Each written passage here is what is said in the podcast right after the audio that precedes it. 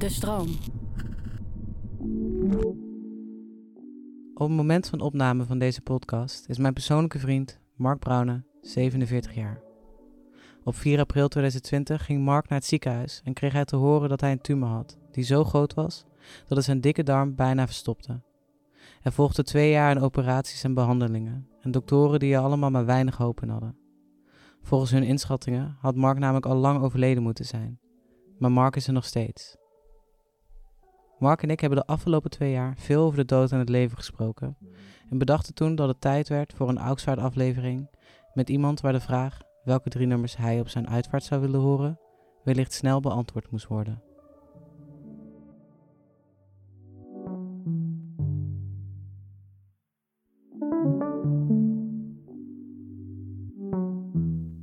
Het is onvermijdelijk. Het leven. Het leven is maar tijdelijk. En tegelijkertijd drukt de muziek op jouw afscheid. Een stempel op de eeuwigheid. Je laatste playlist. Je laatste show. Je laatste DJ-set. Je laatste solo. De laatste keer. De AUX-kabel in jouw macht. Dus onder welke muziek wil jij worden herdacht? Mooi. Ik zat er, ik, ik, alsof ik hem voor jou geschreven heb. Hij is eh, eng, eng dichtbij, hè, komt het. Ja, Deze aflevering. ja want de, ik zat net te denken, de drie nummers die jij dan hebt gekozen, dat dit is wel echt, dit gaat jou dan jouw muzikale erfenis, je muzikale stempel zijn. Eh, onder andere, de, de playlist is langer. Ja. Maar eh, deze drie zitten er wel bij, ja. Voor de luisteraar die Mark misschien niet kent. Mark is een vriend van mij. Tevens ook eh, het zakelijke brein achter uh, Joep Beving. Eh, hij is manager. Hij is eh, allround eh, ja, Fixer. regelaar. en eh, ja, ik heb Mark ooit leren kennen op het strand in Cannes. De zon scheen heel hard, maar Mark scheen harder. en eh, hij werkte toen bij Watch Out. En het was het reclamefestival. En eh, het huis waar hij in sliep, de, iedereen was al naar huis. En eh, hij zocht nog een plekje.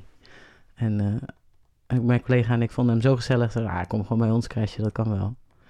En sindsdien ja, is Mark in, in ieder geval in mijn leven geweest. en eh, op deze manier heb ik dus Mark leren kennen. En ik heb eh, Mark beter leren kennen in de tijd dat hij eh, dus Joep Baby ging managen. En Joep, Joep's carrière als een speer ging. En op een gegeven moment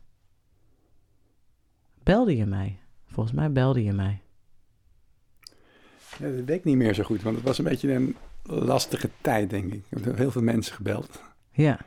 Wat ik me kan herinneren is, je belde mij en ik ben van de fiets afgestapt. Eh, want ik was aan het fietsen. En ik dacht, god, god. Ik was echt aan het schelden. Maar misschien is het tijd voor jou om te vertellen waar, waarover je me belde. En toen, En, nou ja, ik, ik, ik belde. Ik, ik kreeg eigenlijk uit het niets, ehm, althans uit het niets waarschijnlijk niet, maar op een gegeven moment kreeg ik te horen dat ik kanker had. En ehm, eh, dat leek aanvankelijk nog een soort, was het onduidelijk of dat te genezen was of niet. En toen ik jou belde, denk ik dat dat nog eh, een beetje onduidelijk was. En inmiddels is het zo dat dat in ieder geval ongeneeslijk is. En dat ik nu weet dat ik doodga. Eh, en ik eigenlijk al volgens mij officieel over mijn houdbaarheidsdatum heen ben. Maar eigenlijk nog best wel alive en kicking. Dus het is een soort hele rare twilight zone waar ik in leef nu. je bent een soort van een goed, goedje met heel veel suiker erin. Dat gewoon altijd goed blijft. Dat maakt niet uit. Ik hoop het. Ik weet niet, maar ja, dus, dus, ja, dat. Iedereen weet natuurlijk dat hij doodgaat. Maar eh, bij mij is het in ieder geval uitgesproken dat dat eh, binnen nu en kort kan zijn. Maar natuurlijk ook nog een tijd kan duren. Maar die kans is veel kleiner. En dat eh, is een bijzondere periode, zeg maar. Ja. Want het was ongeveer ook in de, natuurlijk in de, in de coronatijd. Dus het was ook al een lastige periode om dan ook het leven echt te vieren. Wat mensen dan altijd zeggen, weet je wel. Nee, juist niet eigenlijk. Want het, het, het, goede was, ik had vroeger altijd last van FOMO. En ehm, Er was heel weinig FOMO, want er gebeurt niet zoveel uh, door corona. En um, eigenlijk ik een hele goede smoes om uh, alle corona-reisregels aan mijn laars te lappen. En gewoon extra hard van het leven te genieten, ondanks dat er eigenlijk coronaregels waren. Dus dat, dat was eigenlijk best wel een geluk bij een ongeluk op de een of andere manier. Ja, want als, als corona er niet was geweest en je had nog steeds deze uitslag gekregen, was je dan denk je gewoon zo doorgaan werken zoals je werkte voor dat je ziek was? Oeh, dat is een goede vraag. Ik, dat weet ik eigenlijk niet. Ik, ik, ik denk het niet, eerlijk gezegd. Ik bedoel, uh, corona zorgde wel ervoor überhaupt dat wij al wat rustig aan konden doen. We hadden heel erg hard gewerkt de afgelopen, weet ik, vijf, zes, zeven jaar. Of toen vier, vijf jaar. En nou ja, de combinatie van corona en in het ziekenhuis liggen heeft er wel voor gezorgd dat ik uh, even ietsje rustiger aan ben gaan doen, zeg maar. Ja. ja. Weet je nog wat je dacht toen je het hoorde? Wat het Ehm, eerste was door, wat door je Ja, nou ja, de, de, de eerste keer dacht ik gewoon, het komt wel goed. I, I got this. En ehm, ehm, de, eerste keer toen het hoorde was het een beetje nog onduidelijk hoe erg het was. En in welk stadium. Je hebt allemaal bij kanker stage 1, 2, 3, 4. En dan 4 is het, het, ergste. Ehm, en ehm, de eerste week wist ik gewoon nog niet wat het was. Dus je hebt kanker, je hebt een gezwel. Dat hebben ze na drie dagen met spoedoperatie eruit gehaald. En dan doen ze, eh, gaan die biopten naar naar een laboratorium. En dan weten ze pas hoe erg het is. En eh, een week later kreeg ik te horen dat het stage 4 was. Wat achteraf bleek heel erg te zijn. Maar ik heb het eigenlijk nooit willen weten. Mijn, uh, mijn broertje is bijvoorbeeld uh, verpleegkundige, of in ieder geval medisch. En die had meteen door hoe erg stage 4 dikke darmkanker was. Mijn vriendinnetje um, is natuurlijk ook gaan googlen. En uh, mijn ouders denk ik ook. Uh, iedereen om me heen door had dat het eigenlijk heel erg was. En dat ik gewoon um, als een soort blij ei, wat ik altijd al was, dacht, uh, dit kan nog goed komen. Um, en zo ben ik heel positief en hoopvol uh, dat proces ingegaan eigenlijk. Ja. Het had ook niet anders gemoeten, denk ik. Nee, nee ik, denk, ik denk dat het oprecht heel erg geholpen heeft dat ik, um, dat ik dacht, dit komt nog goed. Daarna gewoon, uh, na die operatie, zes chemo's gehad. Uh, daarna nog een hele zware HIPEC-operatie, heet dat, van ruim zes uur. Omdat ik best fit was, doen alleen maar mensen die nog fit zijn en dat aankunnen. En daarna leek het ook allemaal eigenlijk weg. Dus het, ging een tijdsbestek van, ik hoorde in ik weet eigenlijk niet meer, het was een beetje een blur die tijd wel. Um, van, vermoed dat ik in maart, april of zo hoorde dat ik kanker had. En uh, dan ga je de operatie in chemo. En in september, ik werkte toen naar die operatie in september. Halfwege september was de zware operatie af. En toen leek het erop dat het allemaal weer weg was. En uh, dan ga je gewoon controletijd in. En iedere drie maanden heb je een scan. En bij mijn eerstvolgende scan, uh, die ik in december had, was het mis. En toen was het weer terug. En toen kreeg ik te horen dat het uh, ongeneeslijk was. Dat ze er eigenlijk niks meer aan kunnen doen anders dan rekken. Hoe voelde die twee maanden, die tussen september en december? als een onwijze opluchting, gewoon weer alsof er niks aan de hand is. Ik bedoel, ja, je bent gewoon heel zwak van de operatie. Je moet gewoon wel herstellen. dus als ik nu terugkijk naar... Um, de beelden. Je maakt best veel filmpjes en foto's en dat soort dingen als je ziek wordt. Met mensen van wie je houdt en gewoon wat je meemaakt. Als ik nu achteraf terug zie, ik was 20 kilo afgevallen. Ik leek wel een soort uh, levend lijk. En als ik nu die foto's zie, schrik ik me helemaal te pletten. Terwijl toen ik zelf ziek was toen, iedereen om me heen waarschijnlijk hetzelfde dacht, holy shit. En ik, ik zag gewoon in de spiegel alleen maar het levens, uh, zeg maar de levenswil in mijn ogen. En ik heb helemaal nooit bewust gezien dat ik echt een soort wandelend lijk was. En uh, ja, die, die periode na ben je gewoon heel hard, ik in ieder geval heel hard aan het uh, revalideren. En dan moet je gewoon wandelen en rondjes wandelen en dat soort dingen. Je kan nog niet echt heel veel. Uh, en toen was ik een redelijk, wel vrij snel weer fit en toen kwam dat nieuws. Ja. ja. En, en dat moet ook wel een heel groot verschil zijn geweest bij de, de eerste keer dat je het hoorde, dat het er was. Ja. Wat, weet je nog wat je toen dacht in december? Ja, nee, dat, dat, dat is net als in de film eigenlijk. Een soort van um, dat je hoort van het is niet meer te genezen, dan zakt even alles letterlijk gewoon langs je weg. Ik was, ik was met mijn broer, ehm, waar ik echt heel veel steun aan gehad heb de hele tijd nog steeds. En mijn ouders zaten thuis, want die wonen in Limburg en ik, eh, ik in Amsterdam. En mijn vriendinnetje was thuis. En we gingen naar dat gesprek en dan gaat echt alles vroef als je dat nieuws hoort. En ehm, ja, heel verdrietig, heel erg huilen, maar gewoon echt maar een paar minuten. En, en daarna had ik een soort rust en vrede ermee. Meteen. Ja, en het ehm, enige waar ik tegen opkeek was om het aan mijn vriendinnetje te vertellen en aan eh, mijn ouders. Je was met je broer naar de... Ja, ja want dat was wel een nadeel van corona. Je mocht niet met heel veel mensen naar het ziekenhuis, dus dan ga je met z'n tweeën. En ehm, dat, zijn echt, dat is eigenlijk het moeilijkste wat ik ooit in mijn leven gedaan heb. Gewoon mijn vriendin en mijn ouders vertellen dat je doodgaat. Ja, dat is best wel heftig, stiekem. Maar dat ehm, ging ehm, eigenlijk best wel goed.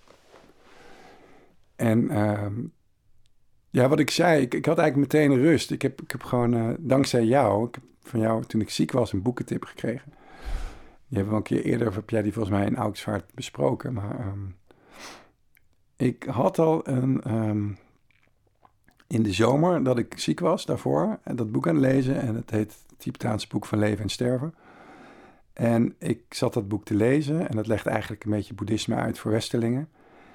En toen ik dat boek las, dacht ik, oh, maar eigenlijk heb ik mijn leven zo geleefd. En um, ik heb sinds ik ziek was nooit wakker gelegen. Geen nacht um, niet geslapen. Uh, soms werd je gewoon wakker van, je legt allemaal, allemaal uh, slangetjes en apparaten die gaan piepen en dat soort dingen. Uh, dat is waar je wakker wordt, maar eh, nooit van zorg. En ik, ik werd wel heel vaak ochtends wakker en dan door het zonlicht.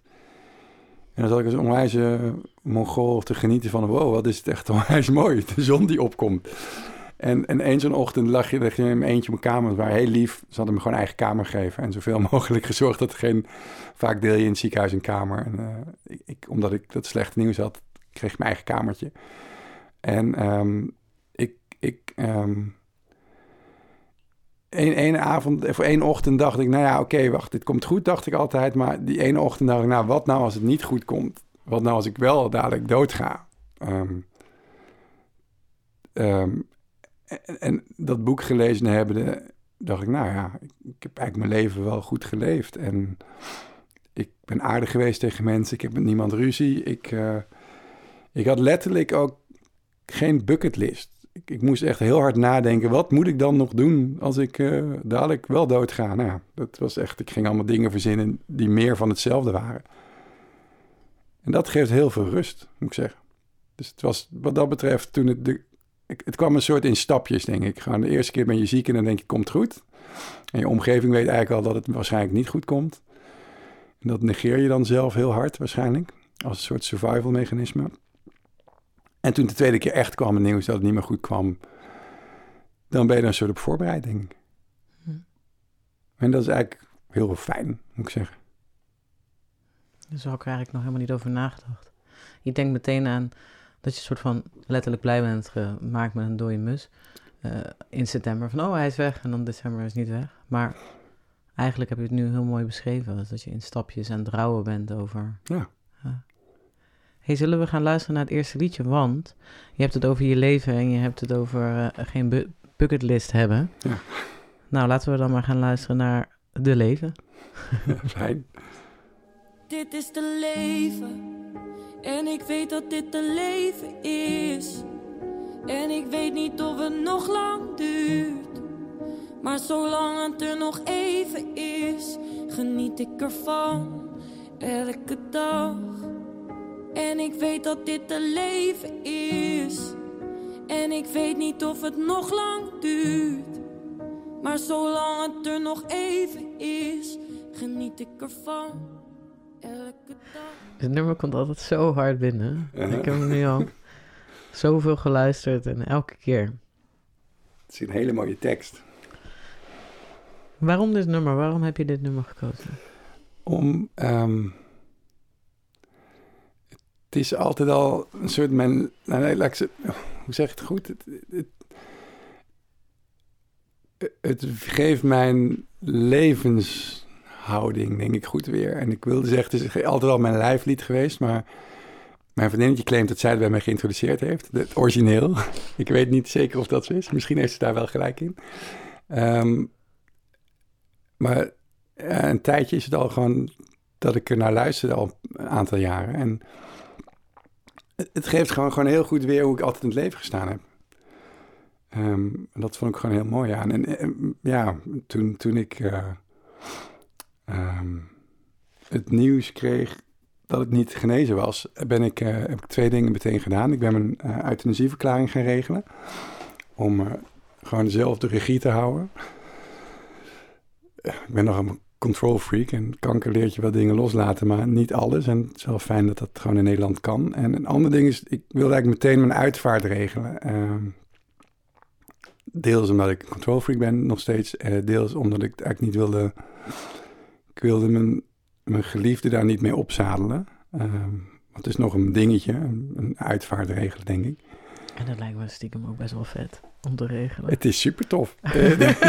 Meteen een, uh... En ik vind het leuk dat je zegt van ik wil me niet... Maar ik vind het ook wel echt iets voor jou om dat gewoon leuk te vinden. Nee, nee, er wordt hele goede wijn geschonken en uh, er is een mega line-up. Het wordt misschien een lange zit. Uh, dus ik, ik, ben meteen... Ik, dit is oprecht, ik kan iedereen aanraden... Um, zelfs als je niet ziek bent, iedereen gaat dood. Dus ik denk dat het gewoon best wel slim is als je gewoon tegen al zet je het op een A4'tje, wat je nou leuk vindt als je dood zou gaan als uitvaart. Of wat je juist niet wil, want het is gewoon heel fijn om anderen daar niet over hoeven na te denken. Heb je iets heel anders verzonnen dan dat je ooit had gedacht dat je zou doen? Want kijk, dat je daarover nadenkt wanneer je gezond bent, is, is misschien alleen als je het lugubere brein hebt wat ik heb. Maar uh, heb je wel eens hierover nagedacht voordat je ziek werd? Nee, okay. nooit. Dus alles wat je nu bedacht was ook echt met de, met de gedachte van... oké, okay, ja, dit gaat nee, gewoon. absoluut. Ik, ja, nee, en, en, maar oprecht, het is oprecht leuk om te doen. Grappig genoeg. Uh, ik, en ik ben, ik ben gewoon meteen gaan nadenken... Um, uh, welke muziek wil ik? Um, dus ik heb heel veel muzikanten gevraagd. En heel, heel, uh, als je namelijk doodgaat, kan je heel onbeleefd vragen stellen. Dus ik heb van mensen gevraagd, kan je misschien een nieuwe versie maken van Der Tod und das Mädchen, want dat is zo lang, maar dat als dat nou inkort, nou, dat, dan durft niemand nee te zeggen. Dat is het leuke. en, uh, maar nu verklap ik eigenlijk al te veel van uh, de setlist van mijn uitvaart. Dus dat, dit, Je hoeft niet te veel te zeggen hoor. Nee, en, nee, en, en, en, en de leven zelf kwam. ik voor Joep is, ja, naast dat ik met hem werk, gewoon ook een hele goede vriend. En um, ik heb hem natuurlijk ook gevraagd om te, te spelen en gevraagd of hij, of hij dat wil doen. En toen zaten we gewoon aan mijn keukentafel. Um... Ik vind dat zo moeilijk voor Joep. Ik denk dat we dat zo vanavond. want ik heb Joep ook alweer eerder keer zien spelen op een uitvaart. En ik weet het. Het, is, het lijkt me zo lastig om, vooral ook met jou. Ja, dat, dat, heb ik, dat, dat, dat heb ik ook bij iedereen, ook bij Joep, maar ook bij anderen. Ik heb gewoon alle sprekers ook gevraagd. En alle, ik heb ook meteen erbij gezegd, als je niet wil, hoef je niet. Want ik snap hoe moeilijk het zal zijn of kan zijn. Dus voel je niet verplicht. Um, maar ik zou het fijn vinden als je wil komen spreken of wil komen spelen. Ja. Um, eigenlijk durft bijna niemand nee te zeggen, dus dat is wel fijn. Maar nee, uh, nee ja, er zijn één of twee mensen die hebben aangegeven dat ze het lastig vinden. dan heb ik gewoon gezegd van ja, dat is prima. En, uh, ja. En mensen mogen ze ook altijd bedenken weer. Maar ja, de, Joep gaf aan dat het wel zou kunnen. En, uh, maar toen zaten we gewoon een beetje, nou ja, dan, praat je over ehm, over allemaal diepe dingen. En dan gegeven moment ook heel praktisch over, uh, over de muziek. En dan zei ik, dit wil ik, dit wil ik laten horen, dit wil ik laten horen. En toen liet ik hem de leven horen van Sef, het origineel. En deze, want dit is mijn lijflied. En zei hij, ik zeg, hij kent het wel een beetje, maar had nooit heel goed naar de tekst geluisterd. Ik luister nou maar even naar de tekst. En toen zei hij, ja, dat ben jij. Ik zeg, ja, dat klopt. Um, maar waarom ben je dat? Ben je dat door de dualiteit van wat hij beschrijft? Om, het is de op of de onder? Weet ik niet. Um, het, ik denk dat ik eh, onbewust. Misschien heb ik onbewust doorgehad dat je maar beter van het leven kan genieten voordat het te laat is. Uh, geluk, dat, dat geluk gehad. Dat, ik, ik ben er uh, nu, ik, heb ja, een soort crowdfund actie gedaan ook. En, en daar, daardoor met best wat mensen in aanraking gekomen die ook kanker hebben. En, um, uh, en ook ongeneeslijk ziek zijn. En um, wat zo fijn voor mij is en voor sommige mensen echt stom, is dat je gewoon, sommige mensen kunnen de, de dood niet echt accepteren, omdat ze nog heel veel in hun hoofd denken dat ze nog dingen moeten doen. Uh, en ik ben achteraf blij dat ik onbewust gewoon altijd al door had. Of ik heb een soort stap gemaakt van laat ik maar dingen doen die ik leuk vind of belangrijk vind. En mijn hart en gevoel volgen. In plaats van luisteren wat andere mensen belangrijk vinden dat je doet. Eh, waardoor je dus zeg maar gewoon, zoals in het leven gewoon eigenlijk beschreven wordt, gewoon eigenlijk alle mooie dingen gedaan hebt. Dus als, als, je, als je doodgaat, dat je eigenlijk geen bucketlist meer hebt. Dat je eigenlijk altijd al genoten hebt. Ja, wat ik ook heel erg in terug hoor, is dat het ook te maken heeft met een het zit soms mee, het zit soms tegen, maar dat is wat het is. Het is wat het is. Ja, dat is nu vooral. Mijn leven heeft heel vaak meegezeten. Tot, tot, tot mijn, ik denk tot mijn 28 heb ik nooit tegenslag ervaren. Ehm, en wat was op je 28ste dan? Uh, toen ik, ik, ik, was, ik ben ooit begonnen als advocaat bij een heel groot advocatenkantoor. En ehm, dat heb ik vijf jaar gedaan. Maar na drie jaar kwam ik erachter dat ik het eigenlijk helemaal niet leuk vond. En ehm, dat ik dat eigenlijk gedaan had om een soort mate van succes na te streven die andere mensen dan beamen. Dus eigenlijk dat je dat leven leidt omdat je wil voldoen aan um, andermans verwachtingen die misschien nooit echt zijn uitgesproken dat mensen dat van me verwachten, maar waar je zelf van denkt dat mensen het van je verwachten. Dat je gewoon denkt, dan doe ik het goed in het leven. En toen ik dat door had van shit, word je eigenlijk helemaal niet gelukkig van als ik hiermee doorga. Dat was wel een soort van eh, de eerste keer dat ik in een leven iets had van holy shit, ik zit helemaal op het verkeerde spoor. En wat moet ik nu? Dat je denkt, oh, uh, dat eigenlijk. En, en, en, en daarna heb ik gewoon, denk ik wel, goed nagedacht, wat wil ik met mijn leven? En gewoon stap voor stap gewoon op mijn plek gekomen waar ik, waar ik nu zit. En doe wat ik doe en wat goed voelt. Um, en qua tegenslagen viel het nog reuze mee. Gewoon, dan ga je heel hard op je bek vaak als je gewoon ergens naartoe wil. Gewoon een lange termijn. En tussendoor maak je stappen en dan leer je van je fouten. En um, nou ja, kanker is iets wat dat totaal dan laat ervaren. Dat is iets wat je overkomt, waar je geen reet meer aan kan doen. Dat was ook de eerste. Ik ben altijd, ik ook altijd alles proberen te plannen. En nou ja, als je eenmaal kanker hebt, is het gewoon, lig je in een ziekenhuis en dan... Een gegeven moment staan de artsen voor je bed en zeggen ze: We gaan je nu opereren, want het gaat niet goed. Uh, je, je uh, hoe heet dat? Je, uh, niet penicilline, maar je antibiotica slaat niet aan. Als we nu niks doen, dan gaat het van kwaad tot erger. Dus als er zo plek is, ga je naar de OK.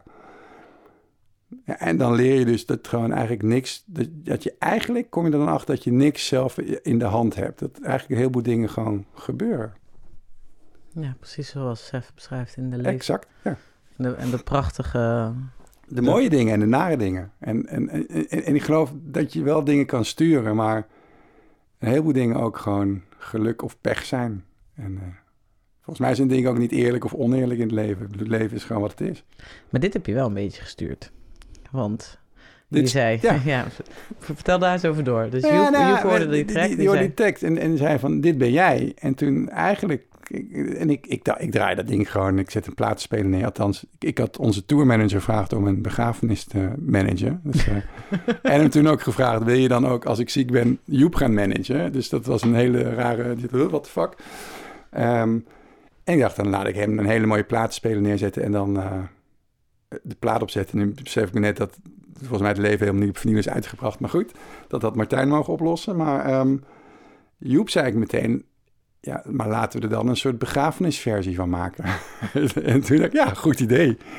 En eigenlijk vrij kort daarna um, uh, ben ik een beetje gaan onderzoek gaan doen wat nou eventueel nog wel of niet mogelijk was. En toen kwam ik erachter dat eventueel immuuntherapie me zou kunnen helpen. Maar dat werd niet vergoed. Het moest in Duitsland. Toen heb ik een crowdfund actie opgezet. Om, dat is namelijk nogal duur om, om daar geld voor op te halen. En uiteindelijk um, had ik daar met mijn achtergrond bij Wordchild en marketing en dat soort dingen al heel veel plannetjes bedacht om daar geld voor op te halen. Maar eigenlijk had ik al binnen een dag uh, het hele bedrag bij elkaar.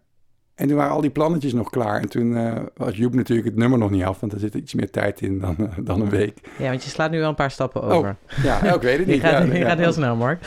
Um, want je, Joep zegt, we gaan een begrafenisversie maken. Dus dat gaan jullie maken. En hoe kom je bij Stien terecht? Dat, dat, dat weet ik niet. Ik heb het is een soort lesje loslaten. Ik heb gewoon Joep zijn ding laten doen. En um, Joep kwam er. We, dachten, we moet, moet eigenlijk een vrouw moet het zingen. En um, Joep kwam bij Stien terecht. En ik weet eigenlijk niet hoe dat komt. Maar had in ieder geval meteen door dat Stien onwijs goed... Um, ja, een gevoel, of ik weet niet hoe je dat zegt, in, in een tekst kan leggen. Dat je het met je meteen raakt. En, uh, het, dat is, het gelijk... is prachtig. Ik vind het mooier dan het origineel. Sorry, Sef. Het ja, is een prachtige ik, uh, versie. Ik zal hier niks over zeggen, want Sef vond het goed dat we er een remake maakten. Maar ik, ik vind ze allebei heel mooi. Maar toen, en, het, het, dus toen was die begrafenisversie er. Jij hebt inderdaad immuuntherapie uh, gekregen. Dat is via een crowdfunding gegaan. Dat ja. onwijs snel ging. Wat echt prachtig was om te zien. Maar toen dacht je, ik wil dit voor meer mensen kunnen Precies, doen. ja. En toen had je allemaal creatieve ideeën verzonnen om geld in, in te zamelen. Ja, die had ik eigenlijk al daarvoor verzonnen voor mezelf. Maar toen maar dat had geld je niet had, nodig. toen had ik het niet nodig. En dacht, nou, dan kan ik net zo goed nog een beetje uh, wat meer tijd in stoppen en het alsnog doen voor andere mensen. En het nummer uitbrengen en de ja. opbrengsten van het nummer. Gaan volledig naar, ja, het heet Stichting Leven en dat gaat naar kankeronderzoek voor immuuntherapie. En, ja. Ja, het, het, het, het, was heel fijn dat, dat Joep en Stien dat ook wilden doen. Gewoon, uh, ja, en het is nu al bijna, uh, op het moment dat we dit opnemen, is het al bijna meer dan 1 miljoen keer gestreamd op ja, Spotify. ik geloof 1,2, 1,3 miljoen Ja. keer op Spotify. of Zo. Dus je hebt wel iets laten gebeuren. Ja, nou ja, goed, ik heb wel een beetje verstand van wat werkt. nee, maar... ehm, Maar nee, wat- en, en Joep vooral, ik denk dat het gewoon... Ik denk dat een paar dingen heel... De tekst van Sef is gewoon zo mooi en zo raak. En dat in combinatie met Stien, die het zo, zoveel gevoel in legt. En Joepse en Joepse compositie en arrangementen is gewoon een soort gouden combi. Ja, heel Zo veel die mensen- piano er op een gegeven moment in komt. Ja, en aanzwelt. En, eh, en, en, en, en Maarten Vos en Ernst-Jan Vos, zijn broer. oh ja, ja die, Die hebben de- ook de, de, de strijkers gedaan. En dat zijn ook met Maarten hebben we veel samengewerkt. Iedereen wil daar aan werken. En er zit, je voelt ook gewoon, denk ik, van heel veel mensen, Matthias en Tjeerd en eh, de, de, de, productiekant, die, die me ook kenden. Dus grappig genoeg, Stien en Vrouwtje kenden we niet. Vrouwtje is de manager van Stien. En waarom Stien meedeed, is dat ze heel erg herkende de relatie die Joep en ik hadden als manager-artiest. En die hebben, heeft Stien met haar manager ook met Vrouwtje. Het zijn een soort gouden duo, maar gewoon, zeg maar, zakelijk volgens mij heel goed. Of in ieder geval gewoon strategisch heel goed, maar ook gewoon vrienden en voelen elkaar aan. En ze heeft toen meteen gezegd, ja, tuurlijk helpen we je mee. En dat, dat, ik denk dat dat allemaal gewoon, dat je dat terug hoort en voelt in dat lied. Mooi hoor. Ja, heel blij mee. Het, eh, Wat, hoe, wat hoop je dat het nummer gaat doen verder dan dat het, een, eh, dat het nog meer streams gaat binnenhalen en daardoor nog meer inkomsten? Hoop je ook dat het een, een, een uitvaartklassieker wordt? Ja, dat mag. En nee, ik hoop dat het vooral... Het, het, gaat natuurlijk eigenlijk niet over doodgaan, maar het gaat meer over leven. Het is gewoon een soort... Toen ik dit vertelde, dat we hiermee bezig waren, waren ik best veel mensen die ik kende. Dat eigenlijk al ehm, het origineel van Sef al best vaak een favoriet van ze was. Omdat het zo mooi uitlegt hoe je in het leven moet staan. En eh, ja, dat... Ja, ik denk dat de manier hoe Stien het gezongen heeft... mensen nog beter naar de tekst zullen luisteren. En ik hoop dat dat mensen inspireert om na te denken... iedere dag kan gewoon je laatste zijn. Want ja, ik ben er nog steeds. Ik had eigenlijk al dood moeten zijn. En eh, ik hoop het niet, maar voor hetzelfde geld loop jij zo onder een bus... en dan ben je er niet. En het zou het echt zonde zijn als je je leven niet leeft... zoals je zou moeten leven, zeg maar. Hmm. Dus dat, dat hoop ik dat het lied doet voor iedereen. En dat hoop ik dat... Ja, dit soort dingen. Ik, een soort appgroepje waar ik mensen verhaaltjes appte tijdens muziek. En ik merk dat mensen daar heel erg geïnspireerd door raakten. Als in, als in van... ehm, oh ja, kut. We kunnen allemaal doodgaan. En eh, misschien moet ik toch eens even goed nadenken... dat ik niet toch die reis nu ga maken. Of misschien moet ik toch eens nadenken over een andere baan. En dat is gewoon heel fijn om te zien. Dat, dat, dat dan toch een soort... Ik wil niet zeggen dat je, dat je aanstaande dood zin heeft. Want ja, geloof ik niet zo heel erg in. Maar het is gewoon fijn dat je een positieve impact kan hebben op andere mensen, denk ik. Toen jij eh, toen je ziek was, eh, werd, toen Mhm. zat jij in een, eh, in een relatie. Ja. En ehm, heeft, heeft dat jouw relatie beïnvloed? Nou, het ligt zelfs nog ingewikkeld. Het was toen uit, toen ik ziek was. Ehm, het was toen net een half jaar uit. Ehm, Ik, het staat hier in mijn aantekening ook als situationship. Want ik, nee, maar, maar uiteindelijk... Waren, mijn, mijn vriendin eh, Esther, die... ehm, eh, wij kennen elkaar... We hadden toen... eh, dan moet ik goed rekenen. Ik denk vier, vijf jaar een relatie. Ik denk vier jaar relatie, dat ging uit. ehm, en ik vermoed een maand of acht nadat het uitging, kreeg ik kanker. En we hadden best moeite om eh, los te komen van elkaar. Om, ja, het was uit, maar we misten elkaar enorm. En het was een onwijze struggle. En toen ik ziek werd, ehm, toen zei ze heel lief: Ik ga het niet aanmaken omdat je kanker hebt, want het is uit om een reden.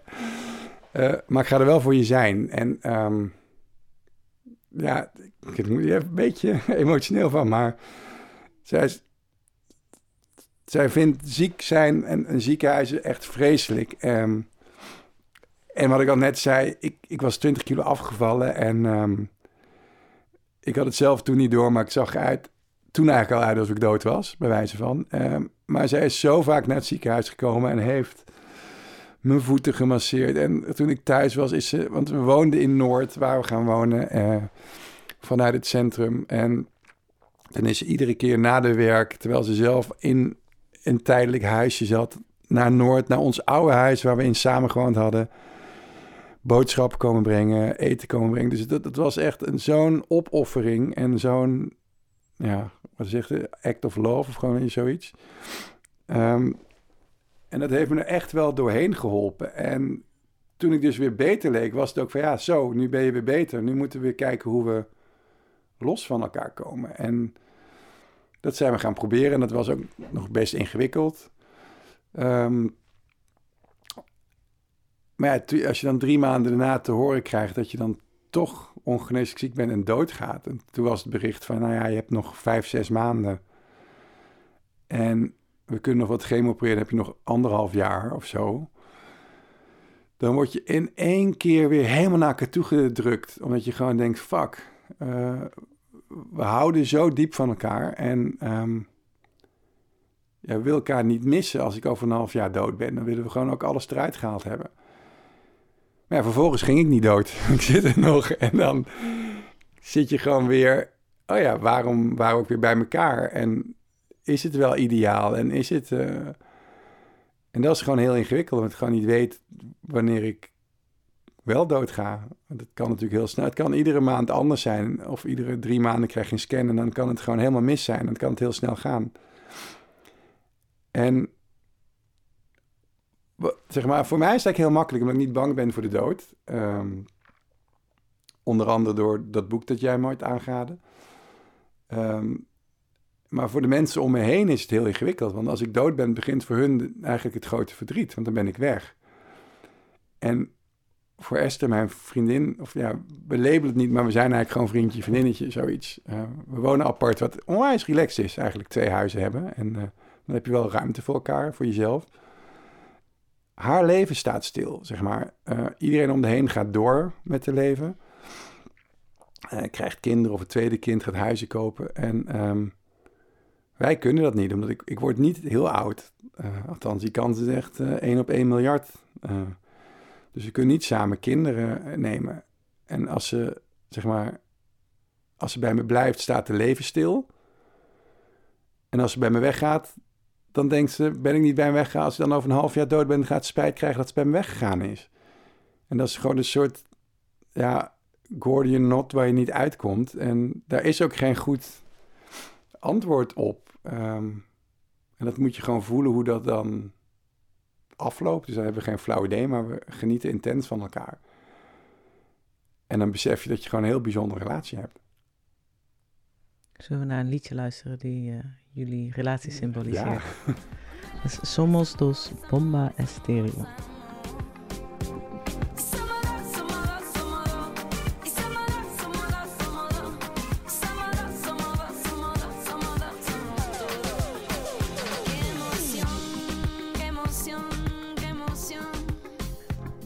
Er is iets met Augsvaart en dat de, dat de geïnterviewde altijd wil vertellen waar het nummer over gaat als het nummer nog gedraaid wordt en de luisteraar niet kan horen waar, Ja, wat je zegt. mega te genieten van het nummer namelijk weer. Zeg het, zeg het. Waarom heb je dit nummer Oh, nee, dit, dit nummer is een... ehm, dit nummer is... eh, was een mega hit in Colombia, maar ook volgens mij over de hele wereld eh, op een gegeven moment. Eh, en dit was onze tweede vakantie van Esther en mij. En het, het- is gewoon een enorm... Die vakantie was enorm bijzonder, omdat we gewoon eigenlijk, dat terwijl we elkaar net kennen, zijn we gewoon drie eh, weken naar Colombia gegaan. En we houden allebei heel veel van reizen, maar het was echt een mega zware reis. Want mijn neef daar, we zijn allemaal hele gekke plekken geweest. Op plekken waar het gevaarlijk was en waar het heftig was. Maar ook super leuk. En dit, dit nummer was toen daar een hit. En eh, we zijn geëindigd een beetje aan de Caribische kust in Colombia. En dat nummer was een hit. En toen we in Nederland kwamen, kwamen we erachter dat we in hetzelfde hotel, strandhotel, heel relaxed beach-achtig clubje zaten. Waar de videoclip van dit nummer was opgenomen. Dus het is een soort Toevallig. ja, en, en, en het nummer is ook, gaat, ja, het is zo'n hele, zoals het nou eenmaal gaat bij, bij heel veel muziek heb je gewoon een, totaal meteen een connotatie aan waar het, waar het vandaan komt. Dus meteen instant, oh ja, dat was die vakantie. En het is verder eigenlijk een onwijs cheesy tekst natuurlijk, van we zijn voor altijd samen en dat soort dingen. Alleen als je dan nu nadenkt van ja, we zijn voor altijd samen, ja, dat is nu toch even anders weer. En dat, dat, dat maakt het, ja. En grappig genoeg was het ook toen we, ik ook met, met Esther dezelfde sessie, eh, gewoon van, ik wil dit draaien, ik wil dat draaien. Wat, heb jij nog nummers die je wil draaien? En nog voordat ik mijn lijst met de deelde, had zij dat ze dit nummer op mijn uitvaart wilde draaien. En ik ook. En toen, ja, dus het, op de een of andere manier, ja, die moest gewoon op, op de setlist, zeg maar. Wat ik, ehm, wat ik zat te denken net toen je aan het vertellen was over dat jullie eerste intrinsieke reactie was toen je hoorde dat je niet lang meer te leven had, dat jullie samen wouden zijn. Toen dacht ik, hoe belangrijk zijn al die andere dingen dan, die jullie eerst misschien uit elkaar gedreven heeft? Dus jij zei van, oh ja, waarom zijn we ook weer uit elkaar gegaan? En toen dacht ik, ja, maar als het puntje bij paaltje komt, als het leven maar kort is, wil ik dus blijkbaar niks anders dan bij elkaar zijn. Ja, maar het is ingewikkelder dan dat. Ja, Want er zijn ondertussen heel veel, hebben heel veel weg geweest, vakantietjes weer en zo. En de, de oude dingen die gewoon niet goed zaten, die zijn er nog steeds. We maken nog steeds, kan uit het niets totaal onredelijk zijn als we de weg niet vinden en haar daar de schuld van geven. En dan bijna een slaande ruzie krijgen nou, dat op weg niet. terug van, eh, nou ja, slaande als in, maar... eh, dus nee, je komt erachter dat... Het is gewoon ingewikkeld. Gewoon, en, en, en eigenlijk kom je erachter dat relaties eigenlijk altijd ingewikkeld zijn. En, en, en nu, Maar de relatie met jezelf is ook ingewikkeld. Klopt. Ik snap niet waarom mensen altijd denken dat ze een makkelijke relatie nee, met dat is andere mensen zo. kunnen Nee, hebben. klopt. Eh, alleen is het in het geval dat een van de twee mensen aangekondigd wordt die vroeg doodgaat, wel moeilijk om een toekomst op te bouwen. Ja, ma- nee, dat, maakt het dat, dat, dat begrijp ik heel En, goed. en, en dat is wat ons bij elkaar houdt. We weten dat we heel graag bij elkaar willen zijn. Eh, dus, en, en dan komt die ratio van dat die toekomst niet is, die maakt het heel ingewikkeld. Dat, dat, dat, ik weet dat meerdere mensen dat hebben. Bij- bij, bijna alle mensen met een relatie eh, met iemand die ongeneeslijk ziek is, hebben dit soort dingen. Weet ik gewoon van, eh, vanuit het AVL en vanuit, van, daar heb je praatgroepen voor. En, Maar het is, zo, het is zo bijzonder dat we allemaal er zo van overtuigd zijn dat we een toekomst hebben. ja. Dat, Ja, en we hebben allemaal een toekomst, alleen je weet niet hoe lang die is. Ja, oké, ja. Maar dus in principe het enige verschil tussen mensen die, die dan ongeneeslijk ziek zijn en mensen die dat niet zijn, is dat, dat, dat er een soort van tijd... Klopt. Wat, wat, hoe, hoe voelde dat voor jou? Dat het opeens een, een periode kreeg? Of een, een- gewoon een, een tijdslimiet Eh, kreeg? Weet je daar niet heel gehaast gek. van? Nee, nee om, omdat ik ehm, echt letterlijk niet eens meer een bucketlist had. Ik, had- ik, ik heb gewoon een paar dingen nog gedaan die... ehm, ja, je gaat dan heel goed nadenken wat je dan nog wel moet doen. Ik heb, ik heb nooit de druk gevoeld, shit, ik moet opschieten. Maar de relatie met mijn ouders en mijn broer... die zijn door dit, dit gebeuren een stuk dieper geworden. Eh, en ik moet zeggen... Ehm, al een paar jaar daarvoor heb ik dat in gang gezet. Omdat ik uh, merkte dat ik een heel ander leven heb. Uh, een heel ander pad gaan, uh, gaan bewandelen dan, dan mijn ouders en mijn broer. En dat ik merkte dat ik toch een diepere wat meer in, inhoudelijke relatie met mijn ouders en broer wilde. En dat, is gelukkig gelukt. En dat wordt heel erg versneld door, door een ziekte als kanker. Um, dus wat ik heel fijn vond, ik, wat ik onder, andere ontdekte daarvoor al, dat het ook fijn is om bijvoorbeeld apart. Mijn ouders zijn gewoon bij elkaar en super supportive. En uh, ja, het is voor hun ook heel moeilijk om je kind te verliezen. Maar iedereen was ook meteen oké mee dat ze zei van, nou ja, als, als het gewoon pijnlijk wordt, dan stap ik eruit, jongens. En iedereen, nou, hoeft voor ons niet langer te blijven dan nodig is. En, en in het proces ervoor had ik ook al gemerkt dat het gewoon fijner is om um, apart met je moeder of met je vader af te spreken, bijvoorbeeld, ondanks dat ze samen zijn. Omdat je anders weer heel erg in een ouderwetse gezinssituatie. Mm. Ja, dat is natuurlijk wel het voordeel van uh, gescheiden ouders. Dat je, dat je dat al snel door hebt. Ja, ja. En dat heb je, heb je niet door als je ouders gelukkig bij elkaar zijn. En, uh, maar dan blijf je wel hangen in een soort patroon dat heel oud is. En we hebben nu super mooie gesprekken. Dus het enige wat ik, waar ik een beetje haast mee had was dat ik heel graag nog mijn moeder... Mijn moeder wilde altijd al een keer uh, naar New York. En ik ben best daar vaak geweest, al daarvoor omdat ik veel reisde, maar ook vanwege werk. En dus ik heb mijn moeder meegenomen naar New York en met z'n tweetjes hebben we daar zo'n mooie tijd gehad. En uh, ik ben met mijn, mijn vader en mijn broertje en mijn neefje van 12 zijn we een week naar IJsland gegaan en uh, daar een hele mooie, gewoon een auto gehuurd en allemaal dingen gedaan. En zo trots op bijvoorbeeld mijn vader geweest, die 77 is, maar echt gewoon nog halve vulkanen opwandelen, terwijl hij het eigenlijk helemaal niet zo goed kan. En nog trots op dat hij eigenlijk steeds meer heeft leren zijn gevoelens te delen. Want dat merk je gewoon dat dat... Um, ja, dat soort dingen zijn heel fijn als je dat dan nog kan verbeteren. Dat diepgang in een relatie krijgt met mensen waar je dat eerst wat oppervlakkiger had. Dan, heb ik zo, dan ben ik zo blij van dat dat gewoon gelukt is. Uh, en dat, dat, dat zowel mijn vader en mijn moeder dat nu gewoon kunnen. En wij met z'n, met allen, dat we gewoon echte, echte gesprekken hebben die te doen. En dat was ook een soort gesprek wat we hebben. We hebben wel vaak over dat. Dat was nooit gebeurd als ik geen kanker had gehad. Dan waren we misschien gewoon een soort in een oude gezinstramien blijven hangen. Waar je vaak gewoon wat op. Hoe gaat het op werk? Hoe gaat het dit? Hoe gaat dat? En, en niet verder vraagt. En dat is eigenlijk heel mooi. Is wel ingezet eerder, maar gewoon wel echt totaal versneld door deze ziekte. Hm. Dus eigenlijk kan het soms ook wel gezien worden als een, als een blessing. Totaal. Er gebeuren zulke mooie dingen. Dat is het rare. En dat zou je van heel veel mensen horen, denk ik, die, die zoiets meemaken als ongeneeslijk kanker hebben of ongeneeslijk iets anders hebben. Dat je gewoon als een turbotaal, het, een soort turbo eh, gewoon manier leert wat er echt toe doet in het leven. En dat je gewoon ook echt ja, de mooiste dingen meemaakt. Zoals die crowdfund actie. Ja, dat ik binnen een dag zoveel geld haal.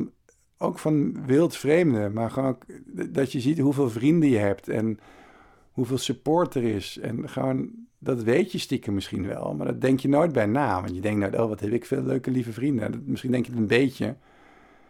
Maar dat heb je pas echt door als de nood aan de man komt. En, en, en dan, dan kom je er ook achter dat mensen gewoon eigenlijk best wel lief zijn en het goede willen en elkaar willen helpen. En in het begin denk je altijd eigenlijk dat mensen elkaar gewoon het licht in de ogen vaak niet gunnen. Maar als de shit hits the fan, blijkt dat mensen toch opeens heel, zeg maar, het beste met elkaar voor hebben. En dat is echt best wel mooi om te zien. Is dat dan denk je ook uiteindelijk waar het toe doet in het leven? Ja, dat denk ik wel. Ik, um, ik, ik heb voor. Um, voordat ik naar New York ging met mijn moeder, heb ik, je hebt een soort allemaal. Je hebt allemaal um, psychische hulp en dat soort dingen als je gewoon ziek bent. Dus voor, je hebt het voor partners met, met iemand die doodgaat. Je hebt het voor familie met iemand die doodgaat. Je hebt voor mensen die doodgaan. Ik een soort levenscounselor gehad. En um, ik dacht, dat wil ik even dat gesprek hebben. Als, als ik dadelijk vijf dagen mijn moeder in New York zit, is het fijn misschien dat ik daar iets beter over nagedacht heb. Maar uiteindelijk, tijdens dat gesprek kwam ik achter, eh, die man voert die gesprekken met heel veel mensen, van, van oud tot jong. En eigenlijk was de samenvatting van het gesprek van, oh wow, wacht even. Ehm, ik heb eigenlijk door dat het leven draait eigenlijk om wat je in het leven gedaan hebt. Of je aardig bent geweest, of je vrienden hebt, of je... Het gaat, het gaat niet om of je een groot huis hebt of een auto of weet ik wat. Het gaat gewoon om dat je gewoon merkt dat je eigenlijk altijd anderen geholpen hebt. En dat als het op aankomt, die andere mensen jou helpen. En, en, en dat je gewoon eerlijk bent geweest en geprobeerd te zijn. Bent natuurlijk niet altijd. Je hebt natuurlijk altijd fouten gemaakt. En dat is uiteindelijk waar het leven om draait, denk ik. Als je, als je dat, eh, zelfs niet de, de, de, de, leuke dingen doen, dat is natuurlijk onwijs meegenomen als je gewoon allemaal gewoon een, een, een, geen bucketlist meer hebt, omdat je alle leuke dingen in de wereld al gedaan hebt. Maar uiteindelijk is denk ik het belangrijkste dat je gewoon je omringd voelt door vrienden en, uh, en, en, liefst een goede band met je familie hebt. Maar soms kan dat ook niet. En uh, dan is het fijn dat je een goede band met andere mensen hebt. Dat is uiteindelijk het, het ding waar je het meest gelukkig van wordt.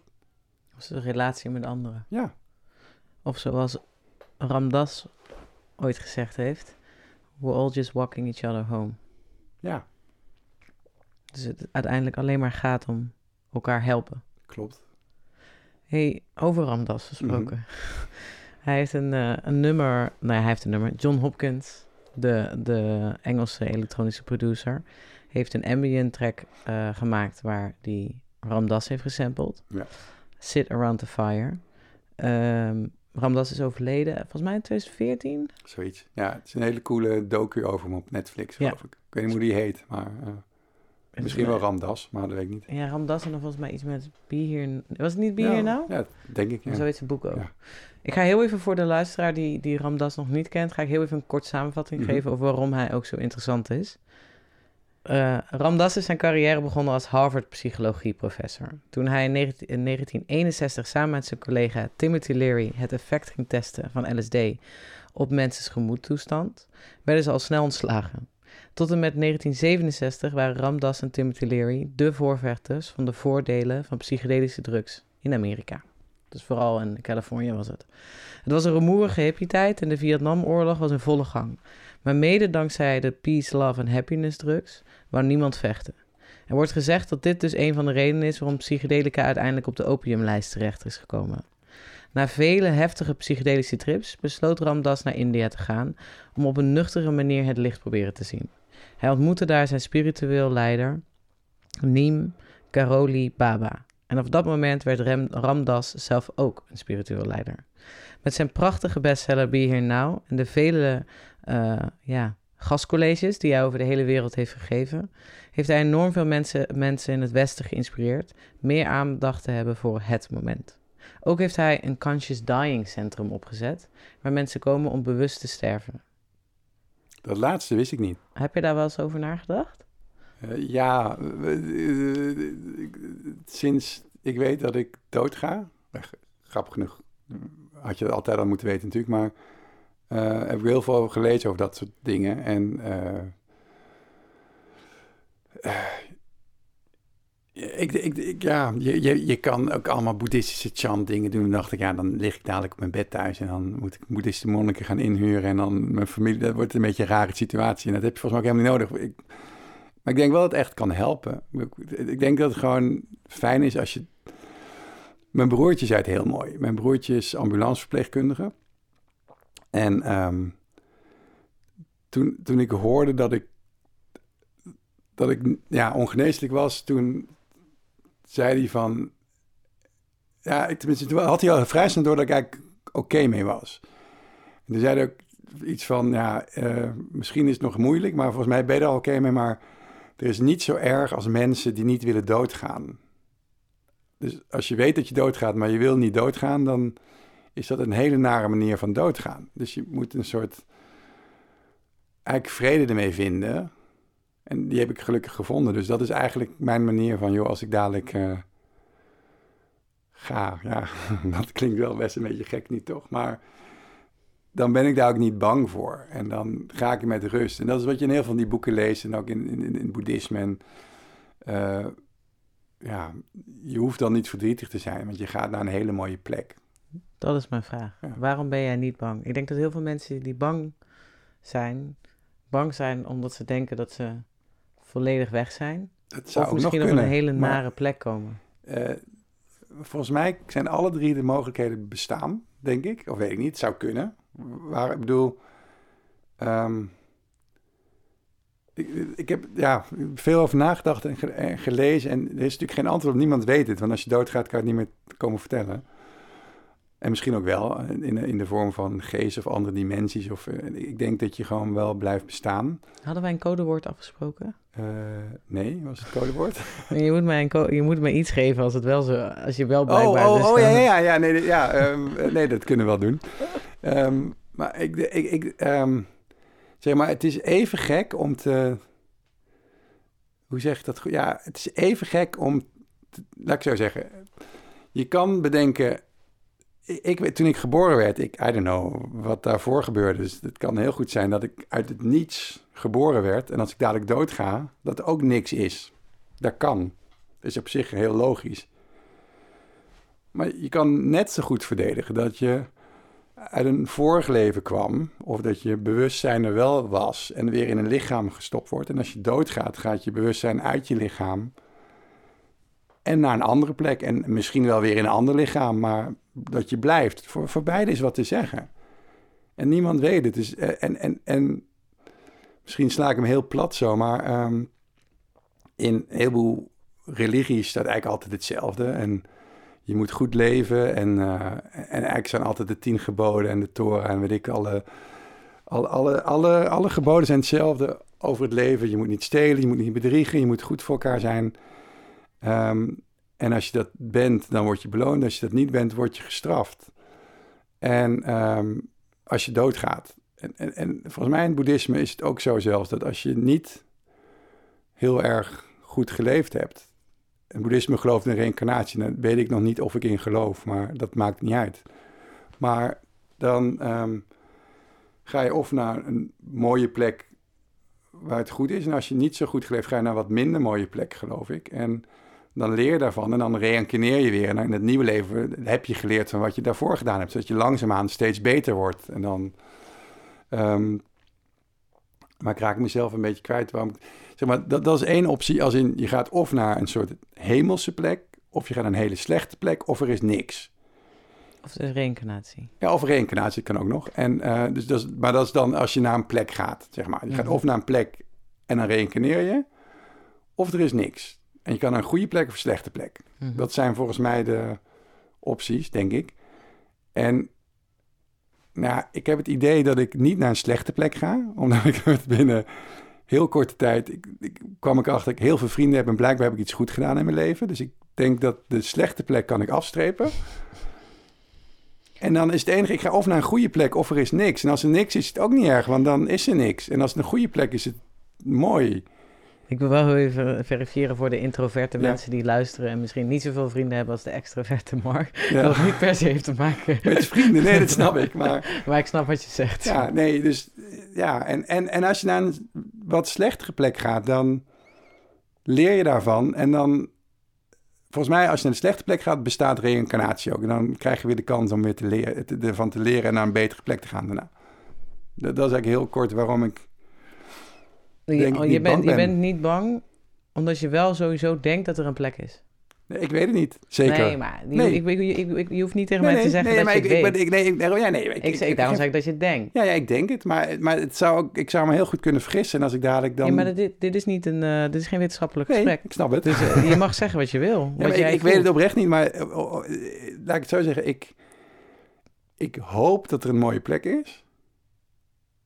Mijn, mijn gevoel zegt een beetje dat dat zo is. Eh, Maar als het grote niets er is, dan is het ook niet erg. Want dan is, dan is er niks. Dan, dan is het gewoon klaar. Dan is het ook... Dus je kan niet verliezen. Nee, het zijn twee goede opties. In mijn geval, nee. Maar nee, ja, ja, en, ja, maar je snapt mijn punt. Dat is een beetje de... Maar eigenlijk zijn drie goede opties. Want er is een plek Ja. die mooi is. Ja. Dat is ni- nice. Er is, een plek, er is geen plek. Nou, Ja. dan merk je er ook niks van. Exact. Een derde is, is een plek die niet zo leuk is, maar je mag het nog een keer overdoen en het opnieuw Ja, proberen. exact dat. Eh, Volgens mij is dat, daar heb je die Pixar-film daarover, Ja, Soul of zo. Die, is die, die, dat legt dat uit ook, volgens mij. Ja, ik vraag me nog steeds, ik zou graag een documentaire willen zien over de research die ze gedaan hebben voor deze film. Ja, Want ik zag die film en toen dacht ik, ze hebben zoveel interessante punten vanuit onderzoeken, eh, zoals bijvoorbeeld die van Pim van Lommel, eh, echt reli- religieuze ehm, ja, filosofie Elementen, achter ja, elementen Ja. in, in, in hoe ze dat allemaal verwerkt hebben. Ik vond het zo- zo'n fascinerende ja. Pixar-film. ja, nee, exact. nee, en en, en, en ik, ik, ik hoop eigenlijk dat er gewoon een plek is waar je dan ook nog eh, het codewoord kan geven. Of ik, ik maak wel eens de grap dat ik eh, guest, guest list for life regel voor mijn vriendin en al mijn vrienden. Dus dat, dat je dat ik vanuit de hemel nog dingen bij kan sturen. En mijn vriendin, ik maak dezelfde grap. want Ik zoek wel een hele leuke nieuwe vriend voor je. En dan is er een soort app dat het... eh, dat ik niet zie als ze intiem zijn. Dus dat ze daar niet bang voor hoeft te zijn. Maar dat, dat je vanuit de hemel naar de mensen van wie je houdt... gewoon nog bij kan sturen. En ze kan helpen dat mensen niet alleen echt een zijn. controlfreak. Ja, echt hè? Ja, sorry. nee, en eh, eh, dat is ook het ding wat ook rust geeft eigenlijk. Dus het is wel mooi dat je dit zegt, want ik weet dat iedereen het aan kan. Het is heel kut, denk ik. Althans, ik kan me niet voorstellen hoe het is als mijn ouders dood zouden gaan... of als mijn vriendinnetje dood zou gaan. Dat lijkt me heel stom en heel verdrietig. En omgekeerd zal het ook zo zijn als ik dadelijk er niet ben. En dan moet iedereen mee dealen. Maar ik weet dat iedereen om me heen ermee kan dealen. En dat ze op hun pootje terechtkomen. Dus je komt er ook achter dat, dat je je niet altijd hoeft te bemoeien met alle dingen. Want eigenlijk kan iedereen het zelf wel. Maar dat is denk ik ook wel het mooie van jouw karakter, is dat je laat iets achter bij mensen waar, waar mensen nog heel veel uit kunnen putten. Kijk maar ook wat je nu aan het doen bent, en dat vind ik zo fascinerend aan jou, is dat je dus al anderhalf jaar ziek bent nu. Eh, zoiets, denk ik. Ja, eh, maart. Bijna twee jaar, denk Ja, ik. Of dat je- misschien al twee jaar, ja. En dat je dus niet stil zit. Dat je nog steeds van alles aan het doen bent om het beter achter te laten dan dat je het hebt aangetroffen.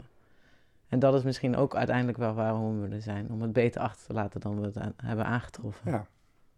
Ja, denk ik wel. Zullen we gaan luisteren Ja, en gaan afsluiten met Sit Around the Fire van John Hopkins. ja, en wie wil dat nou Ramones. niet? Om, om een vuurtje zitten is altijd mooi, toch? Zou er nog iets zijn wat je zou willen zeggen, Mark? Poeh, nee, ja. eh, ik vond het een heel fijn gesprek.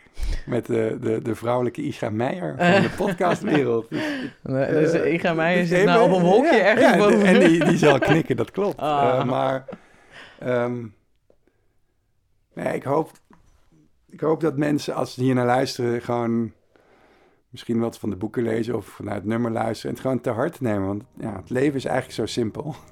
Ja. Alleen kom je er pas aan het eind achter. Althans, nou, ja, je komt er soms wat eerder achter dan later, maar het is eigenlijk heel eenvoudig.